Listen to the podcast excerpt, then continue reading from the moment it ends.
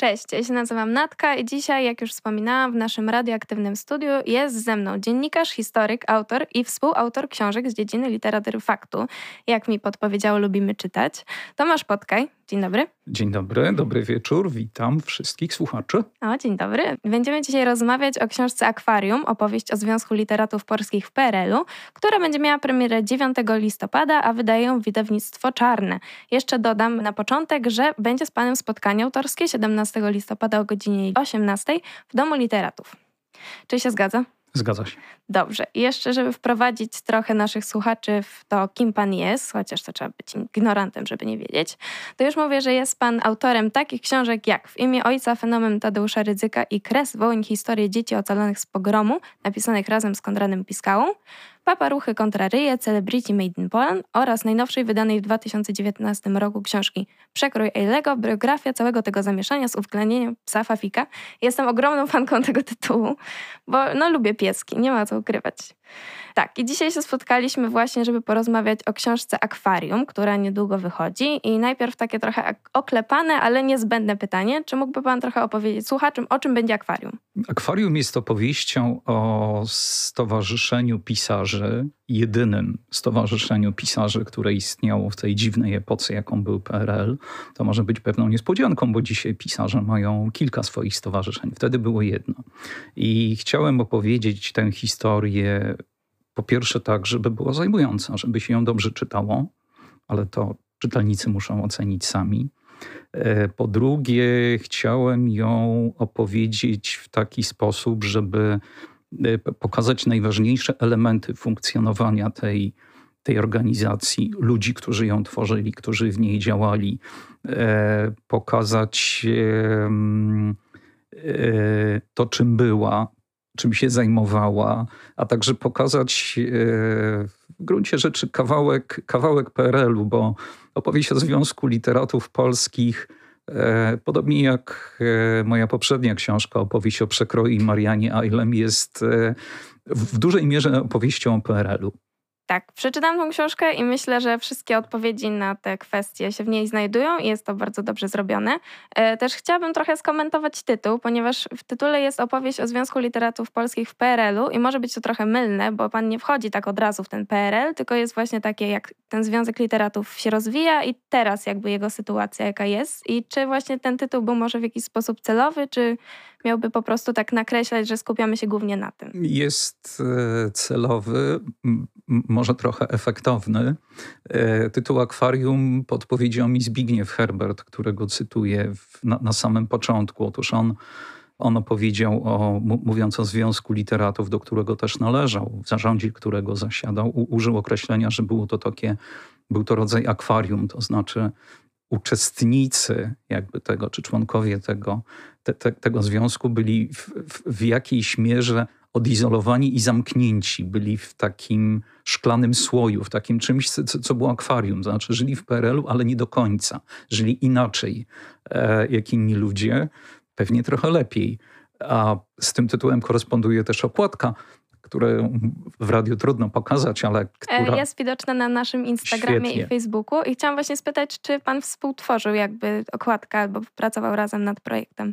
Nie, nie, nie pracowałem. To jest rzecz e, oczywiście grafików, natomiast e, idea E, pływających rybek, tak, tak, była jakby wspólna i moja i w wydawnictwie. Tak, nie byle jakich rybek, ale w melonikach jest tam Tak, nie są to rybki byle jakie. Już pan trochę odpowiedział na to pytanie, ale chciałabym sprecyzować, skąd pojawiła się w panu inspiracja do napisania tej książki? Czy wynika ona z jakichś szczególnych zainteresowań, czy może po prostu poczuł pan taki brak trochę na rynku książki?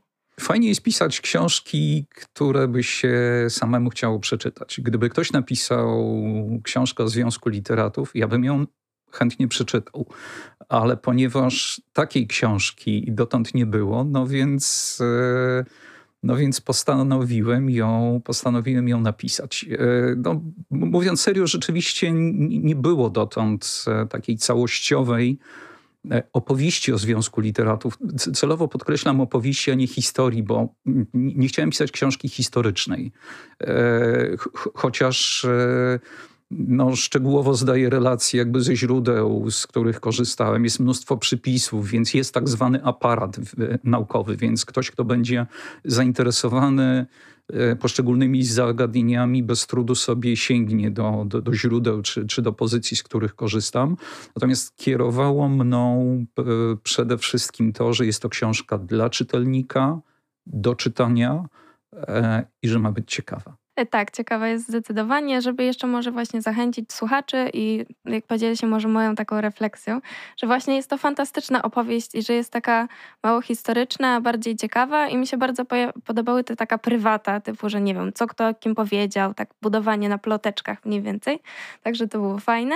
E, no i tak, na przykład mam też takie kolejne pytanie przygotowane, że czytając tą książkę miałam wrażenie, że odbył pan całą masę wywiadów i oto z kim pan odbył wywiady dowiedziałam się na końcu książki, jak się okazało, ale miałam pytanie jakby z kim wywiad pan wspomina najlepiej albo najgorzej, może jakieś takie ploteczki.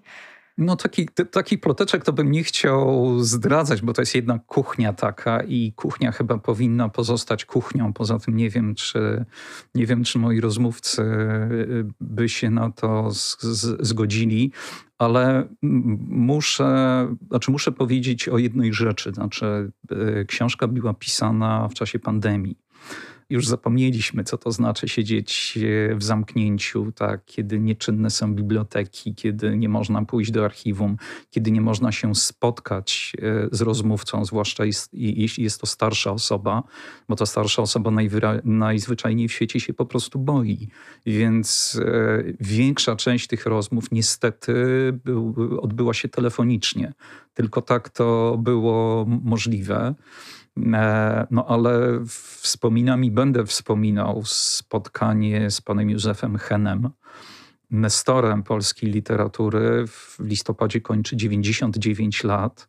W chwili, kiedy, w momencie, kiedy z nim rozmawiałem, miał lat 97 i był obdarzony fantastyczną pamięcią.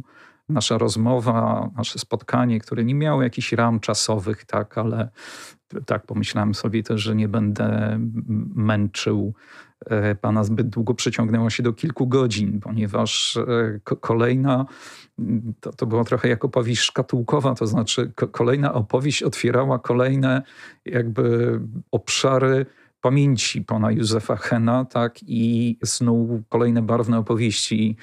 Spotkanie ze świadkiem historii, a w dodatku obdarzonym tak fantastyczną pamięcią jest dla autora, dla dziennikarza, dla każdego chyba rzeczą nie do przecenienia. Zazdroszczę bardzo panu takiego spotkania. E, mówi pan, że powstawała w pandemii i że tak sobie wykalkulowałam z tym Józefem Henem, że to było z trzy lata. I moje takie pytanie, jak długo pracował pan nad tą książką? No w sumie koło dwóch i pół roku, mniej więcej. No to całkiem sporo czasu. A co Pana najbardziej zaskoczyło w trakcie przygotowań i takiej kwerendy do powstania tej książki? Zaskoczyła mnie różnorodność tej instytucji, jaką był Związek Literatów, taka jego niedookreśloność pewna.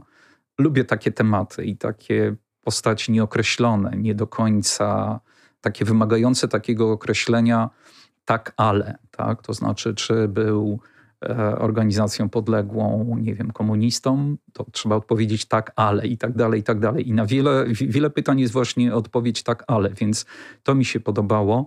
No a w pewnym momencie oczywiście przytłoczyła mnie sama materia, to znaczy ogrom materiału, tak, znaczy też przytłoczyła mnie no, w takim sensie, że no może nie to, że byłem gotów się wycofać, ale byłem po prostu porażony tym, że podjąłem się czegoś, co jest po prostu nie do przebrnięcia, nie do skończenia. Znaczy jest tego za dużo po prostu. Tak? Więc miałem taki moment.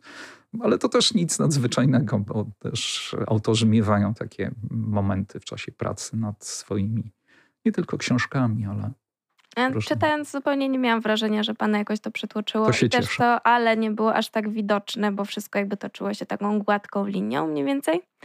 No i tak też a propos takiej właśnie tej kwerendy mam pytanie, czy były jakieś fragmenty na przykład, które pana bardzo zaciekawiły, ale z jakichś powodów pan nie zdecydował się ich umieścić w książce, bo na przykład były zbyt prywatne, albo stwierdził pan, żeby nie zaciekawiły czytelnika na przykład?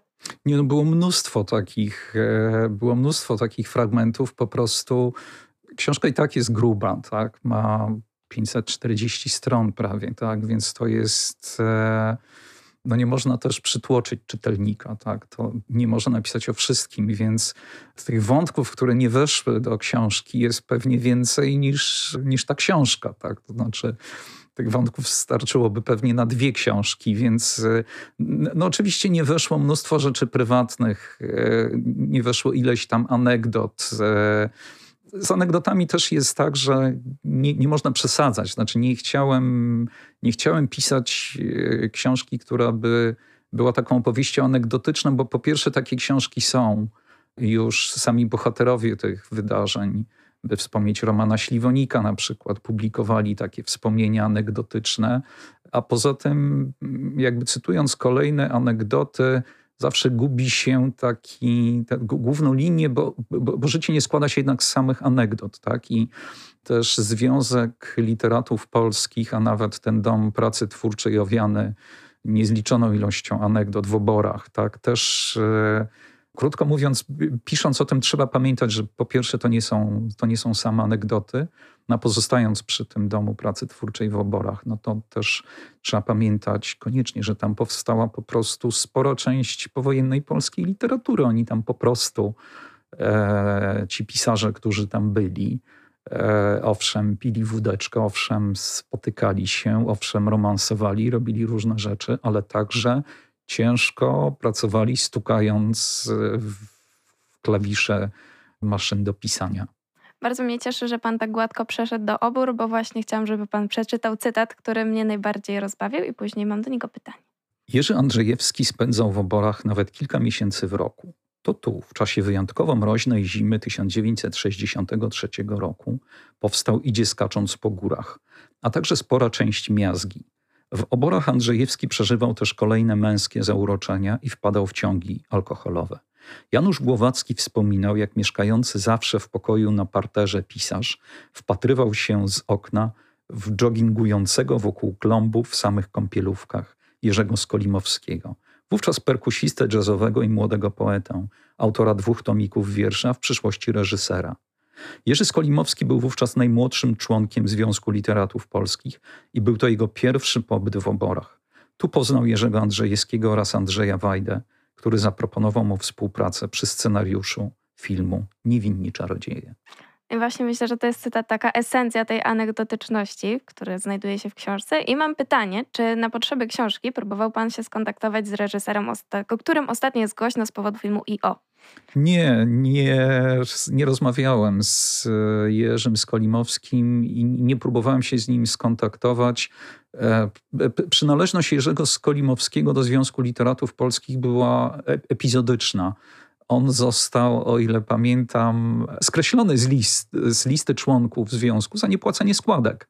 Więc on wydał dwa tomiki, przez kilka lat był członkiem stowarzyszenia, potem zaczął robić filmy i jakby i zaniedbał sprawy literackie, tak? Więc nie, nie podjąłem próby Czyli pan. Jerzy nie wie, że jest o nim taka sympatyczna anegdotka? Pan Jerzy o tym pewnie jeszcze nie wie, ale ta anegdotka jest, e, ona funkcjonuje już, tak?